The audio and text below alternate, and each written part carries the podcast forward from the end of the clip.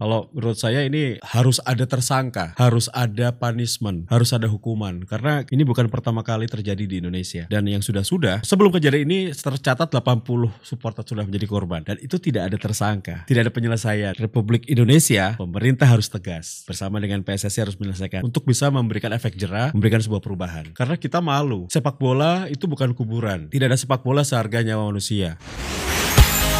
Broadcast. Broadcast. Bernas, luas, dan tuntas. Powered by Business Indonesia.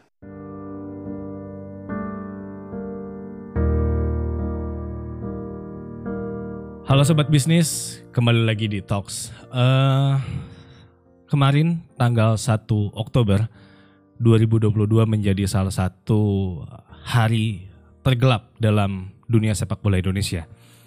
Di mana eh, kemenangan Persebaya atas Arema yang merupakan kemenangan perdana di 23 tahun eh, ini di kandang Arema menjadi kemenangan pertama ternoda dengan adanya insiden meninggalnya 125 penonton pasca pertandingan.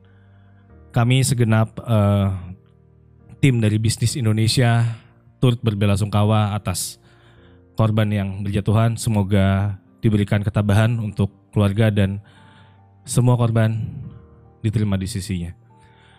Dan kasus ini menjadi kasus yang bisa dibilang terbesar di Indonesia dan nomor dua di dunia, di mana jumlah korban terbesar ada di Peru pada kejadian tahun 1964 dan juga di Ghana dengan total 126 orang pada tahun 2021. Maaf maksud kami 2001. Dan kejadian ini cukup memilukan di mana saat sepak bola Indonesia justru menjadi sedang bangkit-bangkitnya. Timnas kita sedang bagus-bagusnya dan terjadi sebuah disaster yang sangat mengerikan. Bahkan seluruh dunia semua matanya tertuju kepada Indonesia. Bisa dibilang eh, ini merupakan PR buat sepak bola Indonesia untuk bagaimana merubah ini. Dan untuk membahas ini, kita sudah bersama dengan Bung Tio Nugroho, pengamat sepak bola Indonesia. Apa kabar, Bung? Baik, Alhamdulillah. Wah, kemarin bagaimana Bung ketika mendapatkan informasi tersebut, Bung? Ya ini pertama saya mengucapkan bela sungkawa ya Iya. yang sedalam-dalamnya untuk seluruh korban 125 korban dan ratusan yang terkena eh, kerusuhan atau Hmm. tragedi kanjuruhan. Iya. Ini semoga keluarga yang ditinggalkan diberikan ketabahan. Ini sebuah tragedi yang sangat memilukan, Wah, mengerikan banget. menyeramkan dan salah satu yang terbesar di dunia. Hmm.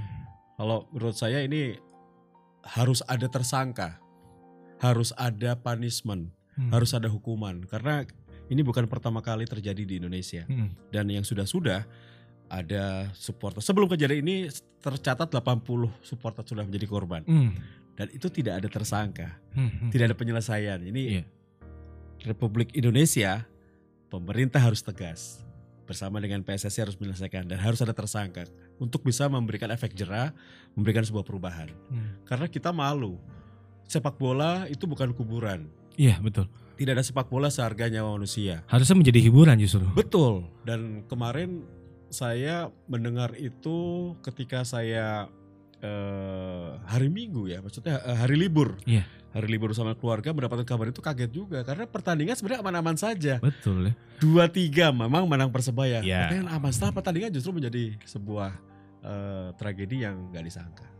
Itu pagi-pagi bangun baca benar-benar langsung kepukul banget sih. Saya malam Mas Olga. Malam langsung. Jadi oh, ya, dari malam ya teman-teman untuk dari. Aremania teman-teman di malam memberikan kabar termasuk eh, koordinator Save Our Soccer. Hmm. Yuk, udah meninggal 40. Astagfirullahaladzim 40. Nggak lama 60. Hmm. Hmm. Nggak lama 80. Hmm. Sampai akhirnya saya pagi melihat 125 meskipun simpang siur. Ini yang Hmm. saya sedikit eh, kecewa itu mempertanyakan kenapa jumlah korban itu berbeda-beda dari beberapa sumber. Nah, itu Dan dia. itu sumber-sumber yang harusnya bisa dipercaya. Dari masing-masing instansi beda-beda. Menteri, Nah, kemudian eh, gubernur, BPBD. betul, Hmm. PSSI. Iya. Itu tidak tidak bisa memberikan valid berapa data yang meninggal. Itu kan Hmm. satu hal yang cukup aneh gitu loh. Hmm. Ini ini meninggal loh 125 orang. Tadi Mas Olga katakan bahwa tahun 1964 300 lebih di Peru. Di sepak bola modern ini yang terbesar. Hmm. Ini sangat-sangat tidak bisa diterima. gitu. Kalau kita lihat dengan jumlah korban yang tinggi seperti sekarang berarti ya. Berarti kan ada sebuah masalah. Ya. Kita melihat dari penanganan mungkin ya. Di mana memang banyak supporter yang masuk, pengendalian massa. Sebenarnya pengendalian massa yang sudah ini bisa bisa dibilang jadi penyebab nggak sih eh, dari adanya korban 125 orang ini? Jadi gini, saya mau melihat dari dua sisi ya. Ini kenapa eh, sepak bola ini bisa rusuh Iya, atau bisa penonton masuk. Iya. Kita harus lihat dari beberapa aspek. iya. Yang pertama, kita tahu bahwa sebetulnya eh, PT LIB sebagai operator liga tentunya sudah punya SOP Iya. bagaimana Panpel menjalankan A, B, C, D untuk Hmm. keperluan pertandingan hingga penanggulangan kerusuhan jika terjadi. Hmm. Harusnya sudah ada. Iya. Nah ini yang terjadi kabar dan fix eh, data yang kami terima atau saya terima itu Kanjuruhan itu lebih dari 42.000 kapasitas tempat duduk. Iya. Itu udah salah. Iya. Kedua, di dalam sepak bola modern kenapa sebuah stadion harus single seater? Kenapa eh, single seater? Karena untuk menanggulangi ini. Jadi Iya. berapa jumlah penonton yang hadir tidak ada yang berdiri ya. Iya. Jadi semua duduk. Nah, jadi eh, Panpel bisa memperhitungkan berapa aparat atau steward yang akan eh, berada di stadion. Karena harus balance. Hmm. Nggak bisa misalnya yang datang 42 ribu yang jaga aparat cuma 500. Nggak akan cukup. Dan itu terjadi di Indonesia. I- Bahkan Banyak kayaknya. MC di stadion ini sudah bukan sebuah eh, apa namanya eh, hal yang yang tabu ya. Iya. Mereka mengatakan bahwa harusnya yang datang 42 ribu, tapi MC di stadion mengatakan bahwa jumlah supporter yang hadir 13 ribu. Jadi banyak pembohongan yang terjadi dan ini Oh. sudah terjadi ber- berulang kali. Jadi banyak ada kalkulasi yang salah. Ya. Nah ini Oh. yang harus dibenahi oleh Panpel. Kemudian aparat keamanan bagian dari Panpel. Hmm. Nah, dalam regulasi FIFA bahwa senjata tajam dan pengenda- eh, gas pengendali Kendali. itu tidak boleh masuk ke stadion. Hmm. Ada di pasal 19B. B. Itu kenapa di Indonesia masih boleh? Dan itu kayaknya dari dulu ya. Kasus 96 waktu Mitra Mitra Surabaya Betul. dan iya. Lawan Bandung Raya. Iya. Itu terjadi justru jatuh di eh, bench pemain. Iya betul betul. Nah, Dan itu- semua pemain tepar itu semua. Betul. Nah, ini mas- maksud saya gini. Jadi harus apakah memang eh, peraturan itu sudah disosialisasikan atau belum Hmm, hmm, dari PT LIB selaku operator Hmm, hmm. kepada Panpel Iya. Liga 1, Liga 2, Liga 3 Hmm, tentang hal-hal tersebut. Do or don't yang dibolehkan atau tidak sesuai regulasi FIFA. hmm. Bahkan kepolisian sempat mengeluarkan statement, kami Ya. sudah eh, dengan dengan proses yang benar, prosedur yang betul. Iya. Memang betul. Hmm. Kalau gas air mata Tidak boleh. itu eh, untuk membubarkan atau Masa. eh, ya membubarkan massa. Hmm, Tapi kan tidak dijatuhkan di satu, satu ruang sempit, betul. ruang terbuka dan tidak boleh langsung ditembakkan kepada Betul. supporter atau kerumunan. Betul betul. Nah, Kemudian di akhirnya saya salut sama polisi Hmm, eh, Kepolisian Republik Indonesia yang langsung mencopot eh, Kapolres. Kapolres Malang sebagai tanda eh, mereka bertanggung jawab Iya. bahwa memang ada miskomunikasi. Nah, kemudian eh, Panglima TNI juga dengan tegas saya akan memberikan sanksi. sanksi Pidana. pidana. kepada anak buah saya yang melakukan tendangan atau melakukan eh, apa namanya eh, Protap pukulan salah ya. ya kepada supporter itu bagus. Nah sekarang PSSI ini mengeluarkan statement-statement yang justru meresahkan Nah, ketika tidak ada empati ketika Ah. hari terjadi eh, kerusuhan Iya. justru Pak Sekjen mengatakan bahwa eh, ini jangan-jangan ini ini bukan sebuah kerusuhan antara dua supporter. Iya. Terus kemudian beliau mengatakan bahwa jangan-jangan nanti kita tidak menjadi tuan rumah sanksi FIFA. Jangan bicara itu dulu. Harusnya berfokusnya kepada Eh, kerusuhan Hmm. kan banyak korban yang berjatuhan. Di mana rasa empati? Tidak punya hati nurani PSSI sebagai Federasi Sepak Bola Indonesia. Itu yang dipertanyakan Hmm. eh, oleh masyarakat. Gitu. Oke. Nah, ini kan berarti ada miskomunikasi. Ya. Antara federasi dengan juga pihak keamanan. Exactly. Dan ini sudah terjadi sejak lama dan sampai sekarang belum ada perubahan. Bisa Ya. dibilang eh, setiap pertandingan selalu ada polisi yang ber eh, membawa gas air mata, walaupun tidak dipakai, tapi Ya. mereka selalu siaga. Tetap tidak boleh. Ah, tetap tidak boleh harusnya. Nah, sebenarnya eh, apakah memang komunikasi antara PSSI dengan pihak keamanan ini sudah sepenuhnya nggak sih? Kalau Mas melihat ya, karena kan seharusnya kalau memang FIFA mempunyai aturan tersebut harusnya turun di bawah eh, aturan PSSI juga. Ya. Dan eh, apakah pan, eh, diturunkan ke panitia pelaksana dan juga pihak kepolisian sejauh, sejauh ini? Hmm. Nah, ini harusnya seperti ini. Jadi sosialisasi ini harus dilakukan ya. Hmm. Jadi eh AFC saya kenal Kang Nuk, Hmm. Pak Nuk ya, itu yang biasa eh, panpel di AFC. Hmm. Itu selalu melakukan eh, diskusi, Hmm. kemudian kembali mengulang-ulang kembali aturan-aturan yang ada Hmm. di sepak bola kepada panpel. Hmm. Nah, Yang saya pertanyakan apakah PT LIB sebagai Hmm. operator Liga Indonesia ini sudah melakukan hal itu untuk Hmm. panpel di Liga 1, Liga 2, Liga 3. Sehingga kalaupun ada kejadian seperti ini, penanggulangannya sama. Penanggulangannya sesuai dengan SOP. Hmm. Ini yang yang yang saya uh, ragukan. Hmm. Kedua, Panpel sudah mendapatkan atau PT LIB sudah mendapatkan teguran dari PSSI beberapa hari sebelum pertandingan Hmm. bahwa ada rujukan sesuai eh, informasi intelijen. Iya. Ini sudah fix intelijen bahwa akan ada kerusuhan, rawan kerusuhan jika dilakukan di malam hari. Betul. Tapi kemudian PT LIB melakukan balasan surat mengatakan bahwa setelah berdiskusi dengan PSSI, Hmm. PT Liga Indonesia Baru dan broadcast Hmm. pertandingan tetap dilangsungkan malam hari. Hmm. Dengan syarat tidak ada supporter tamu kalau salah ya. Ya, tetap aja. Ha. Satu, malam hari aparat sudah lelah, Iya. panpel sudah lelah, Psikologis sudah- sudah lelah, psikologis itu tentunya akan sangat rentan untuk terjadi kerusuhan. Iya, iya. Satu orang yang memulai bisa berbahaya. Ini yang menjadi pertanyaan besar kenapa eh, eh, apa eh, masukan dari kepolisian Hmm. untuk perizinan atau memajukan pertandingan ke sore hari tidak diindahkan oleh PT LIB. Ini menjadi masalah besar. Oke, oke. Nah, berarti eh, ada problemnya tidak hanya komunikasi antar PSSI dengan ini, tapi juga de- dengan operator dan juga broadcaster. Ya. Nah, eh, kalau kita lihat, Mas kan sering banget eh, menjadi komentator sepak bola dan Ya. pernah datang ke eh, stadion-stadion di luar negeri. Untuk kick off malam, Mhm. dibandingkan dengan Indonesia itu seperti apa? Karena kan kalau kita lihat banyak eh, komentar di eh, media sosial bahwa ini di Indonesia main 20.30 keluar-keluar jam 11 malam. Ya. Pulang-pulang udah ketemunya sama kriminal ibaratnya kan. Ya, Tiket ya. kriminal tengah malam Indonesia tinggi banget. Belum lagi yang main di Makassar, di Ya. Kalimantan Selatan itu selesainya jam tengah malam banget, jam 1, jam 12 malam. Itu kalau dibandingkan di luar negeri kayak gimana? Kalau Mas Olga nggak bisa membandingkan apple to apple dengan Luar negeri, ya. Karena saya lihat eh, cara berpikir supporter Ah. di sana Ah. dengan di Indonesia berbeda. Oh iya iya iya. iya. Fanatisme di Indonesia itu sangat-sangat sangat kuat sekali. Hmm. Ya memang menjadi hal positif atau negatif ya. Iya. Eh, kita supporter tentunya ingin tim kita selalu menang. Mhm. Tapi masalahnya bisa nggak kita terima kalau tim kita kalah Mhm. atau main buruk? Mhm. Tidak semua supporter yang hadir ke stadion bisa terima itu. Aha. Nah, kalau di luar negeri itu sudah tertata dengan baik. Dalam arti eh, ada satu komunikasi, Mhm. edukasi ke penonton yang sudah berjalan.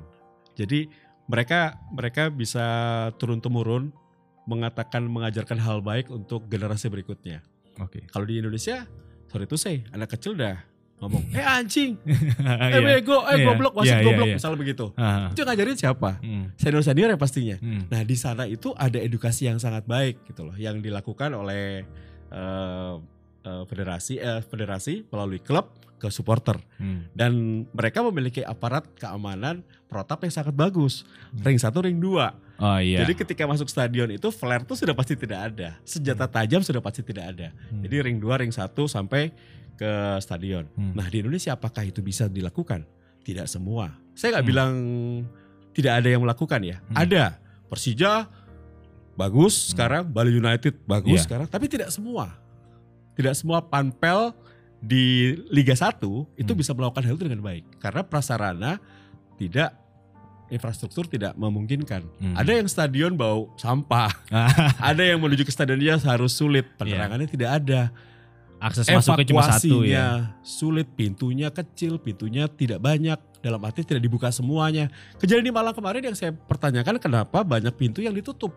Apakah lupa membuka kembali ketika pertandingan selesai? Hmm. Itu kan berbahaya, apalagi di pintu sektor 3, 4, 5, 11, 12, 13. Itu di- tertutup dan itu banyak gas air mata yang ditembakkan oleh aparat Arah sana. ke arah penonton yang harusnya tidak boleh dilakukan. Hmm. Nah ngomongin tadi infrastruktur berarti. Kalau di luar negeri single seater di Indonesia tidak. Yes. Mengapa bisa eh, ada ke- per- perbedaan antara itu? Antara eh, kesiapan keamanan stadion yang berbeda antara Indonesia dan luar negeri. Jadi sebenarnya single seater itu memang sudah harus wajib bagi eh, stadion yang memang eh, ingin menyelenggarakan sebuah pertandingan liga seperti halnya diinginkan oleh FIFA dan AFC.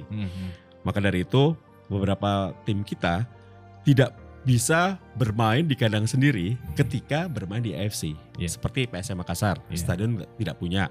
Kemudian main di Parepare nggak mungkin dong ada single Hmm. seater akhirnya main di Jakarta eh di Bali Hmm. karena Bali United sudah memiliki stadion Single single seater. Itu pun baru, Iya. baru berapa tahun dua tahun terakhir ini. Hmm. Jadi memang di Indonesia itu masalahnya adalah semua tim tidak punya stadion, Iya. semuanya pinjam. Iya. Ke pemerintah daerah. Betul. Dan itu pun membutuhkan biaya sangat besar, Hmm. termasuk JIS. Hmm. Yang aneh ketika PSSI mengatakan JIS tidak standar internasional. Saya bilang, Anda sehat. iya, itu nggak masuk akal. Mungkin mahal, iya. Iya. Sehingga PSSI tidak mau pakai itu, itu dalam arti gitu. Nah, balik ke single seater, sudah seharusnya sepak bola modern memiliki eh, stadion yang single seater. Sehingga kembali tadi Mas Olga tanyakan, panpel akan mudah. Hmm. Berapa saya harus menurunkan aparat keamanan, Hmm. berapa saya harus menurunkan steward untuk sebuah pertandingan. Karena itu sangat penting Hmm. dan itu tidak boleh miss.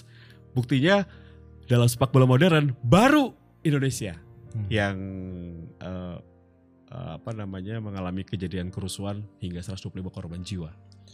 Kalau eh, sistem tadi kan untuk infrastrukturnya. Ya. Kalau sistem keamanan saat masuk keluar. Ya. Seperti apa? Karena kan kalau kita ngeliat di Inggris, Inggris CCTV-nya banyak sekali. Ya. Lalu ada konsep yang mungkin hampir sama mungkin di Indonesia ada ya mungkin ya. Eh, polisi yang menyusup dengan pakaian preman Bebas. ataupun bebas dengan alas porter. Setuju. Lalu ada juga yang eh, membuat kayak penjadwalan eh, masuk keluar masuknya agar tidak eh, tidak apa ya tidak bentrokan lah ya, Bersamaan. bersamaan. Iya. Nah, kalau di Indonesia seperti apa dengan di luar negeri? Nah di Indonesia ini masalahnya adalah eh, sudah sewajarnya jika eh, pembagian pintu masuk tuh sesuai dengan tiket yang ada. Hmm. Jadi kita tahu kita di eh, zona biru misalnya, Hmm. zona merah atau zona biru kita nggak usah ngomong sektor ya, zona biru, Hmm. zona merah misalnya atau Iya. zona hijau. Itu masuknya pun tidak bersamaan Hmm. dan pintunya pun berbeda-beda. Iya. Nah kalau di Indonesia itu yang terjadi ketika supporter ingin masuk tidak mendapatkan tiket atau tiketnya palsu Hmm. Sehingga- Ah, iya. sehingga sulit untuk bisa dihitung dan juga diantisipasi oleh aparat keamanan. Hmm. Bahkan aparat keamanan atau penjaga tiket di depan pun kadang-kadang kalah galak sama supporter, sehingga terjadi eh apa supporter yang masuk tanpa tiket. Hmm. Nah ini ini ini ini yang ini yang masih belum bisa dibenahi. Kecuali kalau pertandingan tim nasional Indonesia ya, ketika bermain di GBK Hmm. atau pertandingan tim nasional kita bisa dikatakan rapi. Nah ini panpel-panpel ini memang harus banyak berubah. Saya tidak menyalahkan semua panpel, Hmm. tapi ada panpel yang sudah bagus, pertahankan, tingkatkan. Tapi panpel yang masih di bawah rata-rata, ini harus segera dibenahi oleh PT Liga Indonesia Baru. Karena tentunya dari cara pembelian tiket, Hmm. kemudian masuk, kemudian evakuasi eh, ketika ada eh, kerusuhan seperti ini atau tidak usah ada kerusuhan deh, keluar aja, keluar Pintu aja kadang-kadang sulit gitu. Hmm. Jadi jalurnya nggak rapi. Kamu masuk di zona biru, tiba-tiba bisa keluar di zona merah, Iya. loncat pagar, itu kan harusnya nggak boleh. Ah, ah, ah. Karena ingin cepat keluar sehingga kadang-kadang membahayakan eh, nyawa supporter lain. Oke. Eh kalau kita melihat bentar, bentar. Kalau Mas memposisikan sebagai supporter, Ya. melihat kejadian kemarin, apa yang harus di eh, mungkin siapa yang disalahkan? Karena gini-gini, kita kita dalam semua tadi kan kita balik lagi ke masalah siapa yang harus disalahkan? Siapa yang jadi tersangka dalam kasus ini? Karena Ya. Kejadian Liverpool di Hazelborough aja itu eh, Tahun 89. 89 baru sekarang-sekarang ini kita eh, kalau salah 2000 berapa ya yang akhirnya ketahuan tersangkanya siapa Betul. kepala kepolisiannya. Nah kalau sekarang siapa sebenarnya yang bisa dibilang menjadi yang titik yang orang yang salahnya? Ya, kalau kalau mengenai siapa tersangka itu ada tugas penyelidikan penyidikan Iya. nanti. Hmm. Aparat keamanan yang akan menentukan, kepolisian yang akan menentukan. Tapi kalau melihat dari salah siapa, di sini bukan waktu untuk menyalahkan siapa-siapa lagi. Hmm. Dua kata dari saya introspeksi sama evaluasi. Hmm. Introspeksi di sini dari supporter. Hmm. Kenapa supporter juga masuk? Hmm. Ya kita kita butuh supporter fanatik, tapi Hmm. juga ada aturan bahwa tidak boleh supporter masuk ke area pertandingan. Betul. Itu satu. Betul. Itu pem- pem- pendewasaan, pembelajaran bagi supporter satu. Hmm. Kemudian jangan datang ke stadion kalau tidak siap timnya kalah. Hmm. Lebih baik nonton di rumah. Mau banting gelas, mau marah-marah sendiri terserah di rumah, tapi Hmm. tidak mencelakai orang lain. Hmm. Ibaratnya seperti itu. Terus ketiga, supporter harus beli tiket. Kalau mau nonton ke stadion beli tiket. Hmm. Satu kan untuk memberikan eh, untuk mensupport timnya. Kedua jangan naik pagar lah atau mencoba masuk gratis. Itu udah Hmm. nggak waktunya lagi supporter smart di Indonesia. Hmm. Itu dari kelompok dari kelompok supporter. Hmm. Kalau dari Panpel tolong diperbaiki. eh harus jujur berapa tiket yang dijual sehingga penjagaan jumlah keamanan juga sesuai dengan supporter yang datang. Hmm. Terus eh, berikutnya dari PT LIB juga harus bisa mengerti bagaimana SOP yang benar dalam menjalankan sebuah pertandingan. Hmm. Hmm. Jadi semuanya harus sama. Ketika dapat peraturan, penjagaan aturan ya harus diberikan untuk semua klub, untuk, semua eh, panpel, termasuk undanglah kelompok supporter, libatkan mereka sehingga saling menjaga satu sama lain. Ini yang sepertinya tidak terjadi. Kenapa harus 125 eh, korban dulu baru semuanya ingin memperbaiki? Ayo kita perbaiki. Memang tidak ada kata terlambat. Hmm. Jadi kalau saya bilang salah salah siapa bukan waktu untuk menyalahkan, Hmm. tapi harus introspeksi diri, jangan sampai ini terulang kembali. Hmm. Aparat mungkin juga malam sudah lelah Iya. dan mereka biasanya kalau ada masa demo atau kerusuhan mereka memang menembakkan gas air mata. Tapi yang saya sesalkan kenapa memang ditembakkan ke arah tribun yang langsung eh, mengenai banyak penonton yang hadir bukan hanya laki-laki, Iya. ada ibu-ibu bahkan anak-anak yang menonton. Ini harus harus menjadi concern besar dan tim yang dibangun oleh Pak Menko Polhukam Hmm. ini memberikan satu harapan besar loh buat buat saya sebagai pengamat Oke. ya. Ini isinya 13 orang, isinya akademisi, kemudian em, eh, apa namanya wartawan. Ya semoga ini bisa usut tuntas. Hmm. Sekali lagi harus ada tersangka untuk efek jerah. Hmm. Dan sebagai institusi atau federasi, Hmm. kalau memang punya rasa malu dan tanggung jawab, mundur. Ketua PSSI. Ketua Umum PSSI. 125 juta, eh 125 Orang. korban. Ini bukan main loh Mas Olga, bukan main-main. Satu orang saja salah. Dua orang di GBLA waktu Riko dan eh, Betul. Iya. itu sudah Enggak. sebuah hal yang eh, tidak boleh diulang. Masa sih? Kalau Mas Olga punya anak, Pak, saya menonton bola stadion ya. Sekarang belum tentu Mas Olga mengizinkan anak untuk nonton ke stadion, Ah. termasuk saya. Kalau dulu saya ingin anak ajak anak saya nonton tim kebanggaan, nonton timnas. Sekarang saya nggak berani. Kalau masih seperti ini gitu. Dan ada cerita bahwa ibu-ibu yang pulang ke Malang karena terakhir di WhatsApp sama anaknya saya ingin nonton bola ya bu, Iya. pamit. Sekarang dia pulang ke Malang, anaknya udah meninggal. Ini nggak bisa diterima. Ya itu sangat sedih banget ya. Maksudnya gimana ya? Apalagi ada yang mendengar kabar ada yang bapak dan anaknya, eh bapak dan istrinya meninggal, eh, dan anaknya baru umur lima tahun. Betul. Ini sebuah tragedi yang, duh, aduh saya nggak kuat, saya nggak kuat, saya nggak kuat dengan dengan ini. Maksudnya eh, ketika memang, ketika memang eh, ini sudah menjadi banyak korban, harus ada benar-benar pengusutan yang lebih dalam dan pertanggungjawaban yang lebih keras. Betul. Makanya saya berharap ya Pak Jokowi sudah mengatakan usut tuntas bentuk tim independen eh, pencari fakta. Hmm. Dan saya percaya Prof Mahfud FD akan bekerja dengan timnya untuk eh, mengusut tuntas sampai selesai dan harus ada tersangka sehingga ini menjadi efek jerah. Jangan jangan berpikir bahwa eh, pernyataan Sekjen PSSI yang mengatakan bahwa kami akan menunda satu pekan liga. Kemudian besoknya ngomong kami akan menunda ketua umum yang akan bicara kan. Saya akan menunda liga sampai batas waktu tidak tentukan. Jangan sampai ada statement-statement yang nggak penting lagi muncul dari orang-orang yang memang harusnya memberikan informasi yang benar gitu. Stop di situ ya. Stop. Kita berhenti. Liga 1, Liga 2, Liga 3 hentikan. Bahkan Pak Hasanul Kosasi, Presiden Madura United, saya tidak mau liga dijalankan, usut sampai selesai. Karena ini kita harus punya rasa empati. Ini bukan tragedi sepak bola loh, Hmm. Mas. Ini tragedi bangsa ini. Kemanusiaan. Betul, tragedi kemanusiaan.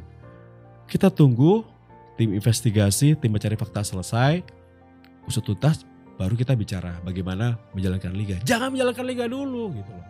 Ini udah salah, salah kaprah negeri ini. Harusnya sepak bola dipegang oleh orang sepak bola. Jangan kaitkan sepak bola dengan politik. Sampai kapan negeri ini akan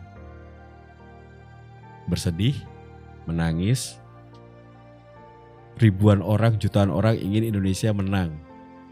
Tapi yang di atas atau yang kita percaya untuk memegang federasi ini tidak sungguh-sungguh mencapai tujuan itu. Sejauh ini bahkan belum ada eh, ibaratnya di PSSI yang benar-benar eh, orang dari praktisi ya. Kalau kita ngeliat Tidak dari sebagai pucuk pimpinan belum ada seperti kecuali pendirinya Ya, Pak Suratin. betul. Wow. Semoga ini menjadi sebuah reformasi.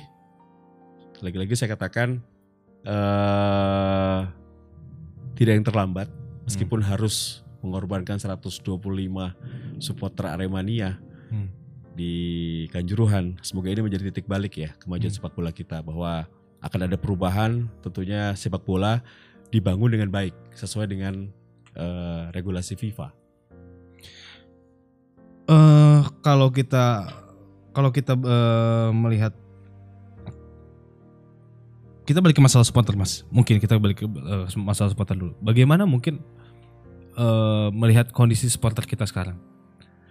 Kalau dibandingkan pada zaman-zaman kita tahulah ada tiga fase mungkin di supporter Indonesia kalau saya bilang. Ada pertama tanpa nama Ya. ada nama mulai dari yang ada pa- pakai mania mania semua Aremania Jakmania di tahun 90-an mulai muncul.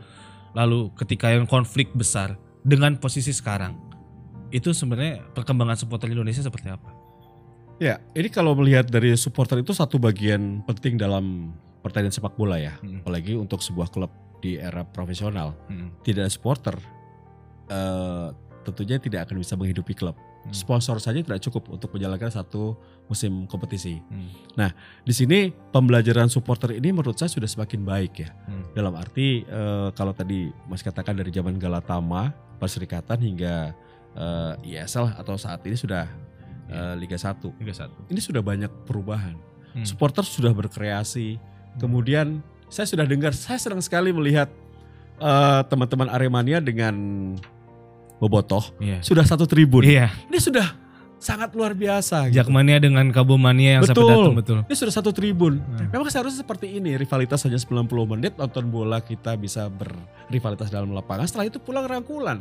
Naik MRT bareng, naik bis bareng, Hmm. naik angkot bareng, naik motor bareng, nyanyi-nyanyi bareng, pulang selamat. Ini kita harapkan kan. Hmm. Eh, tapi kenapa tiba-tiba masih aja ada seperti ini gitu. Ini yang harusnya menjadi satu titik balik bagi kembali Hmm. sepak bola Indonesia, federasi, PT LIB dan seluruh ornamen masyarakat termasuk supporter untuk membangun sepak bola dengan baik. Ini terakhir kabar juga teman-teman bonek ke Malang. Iya.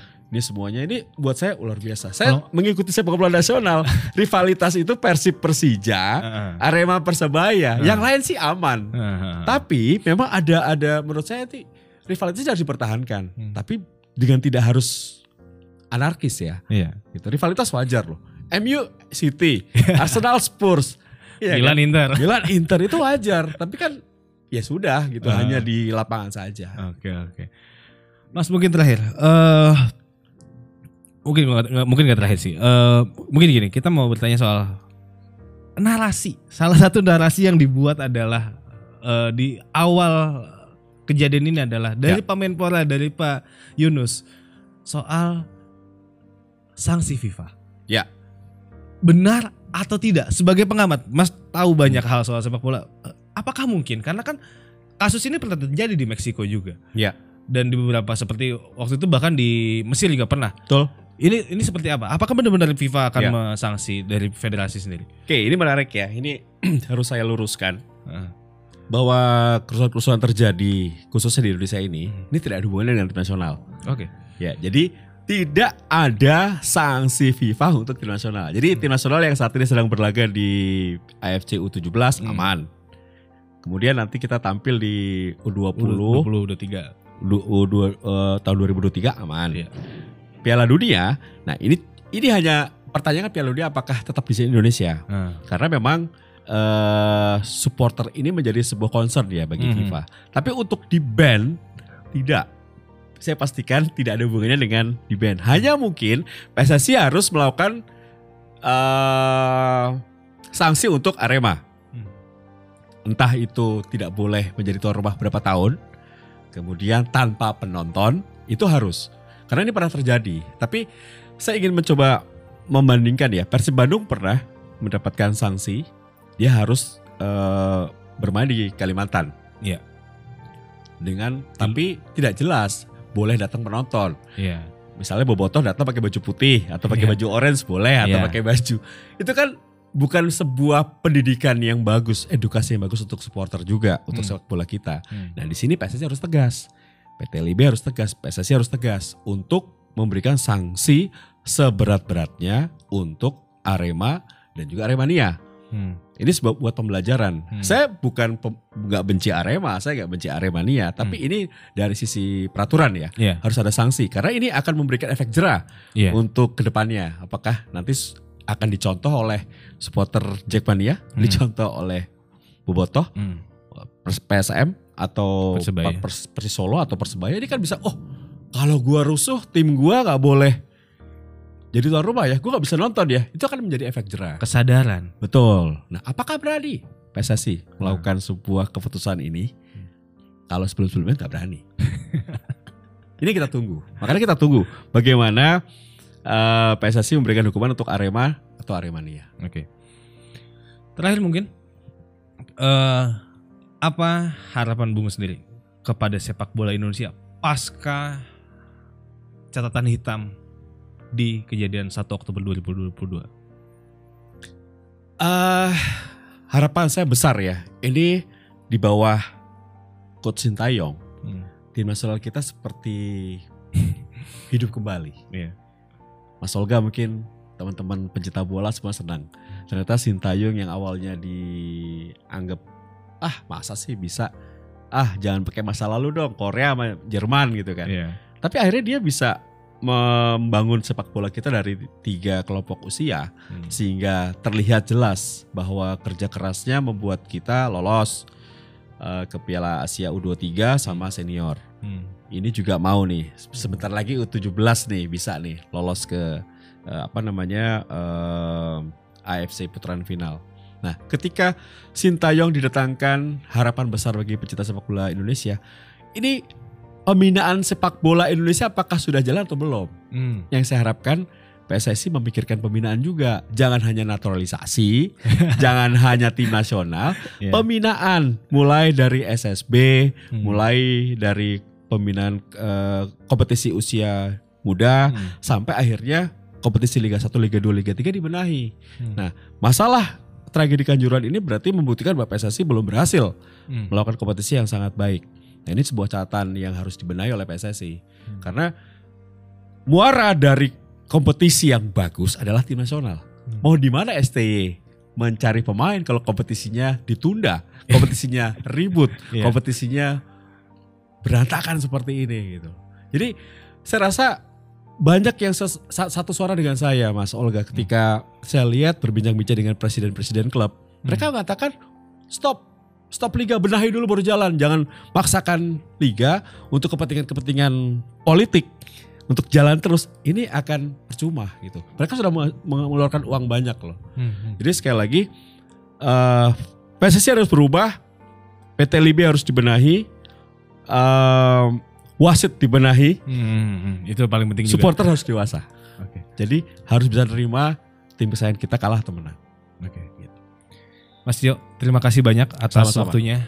Mudah-mudahan perbincangan ini juga didengar oleh eh, federasi ataupun otoritas yang berwajib supaya menjadi bahan evaluasi kita juga. Ya. Bagaimana membuat Indonesia kembali menjadi macan Asia bahkan bisa menjadi macan dunia. Amin. Heeh.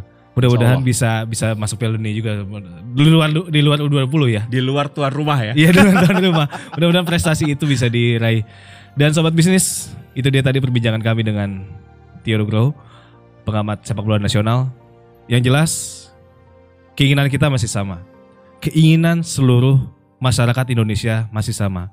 Menginginkan sepak bola yang berprestasi tapi juga aman dan nyaman untuk ditonton oleh semua umur, oleh semua gender. Sepak bola bukan kuburan. Betul.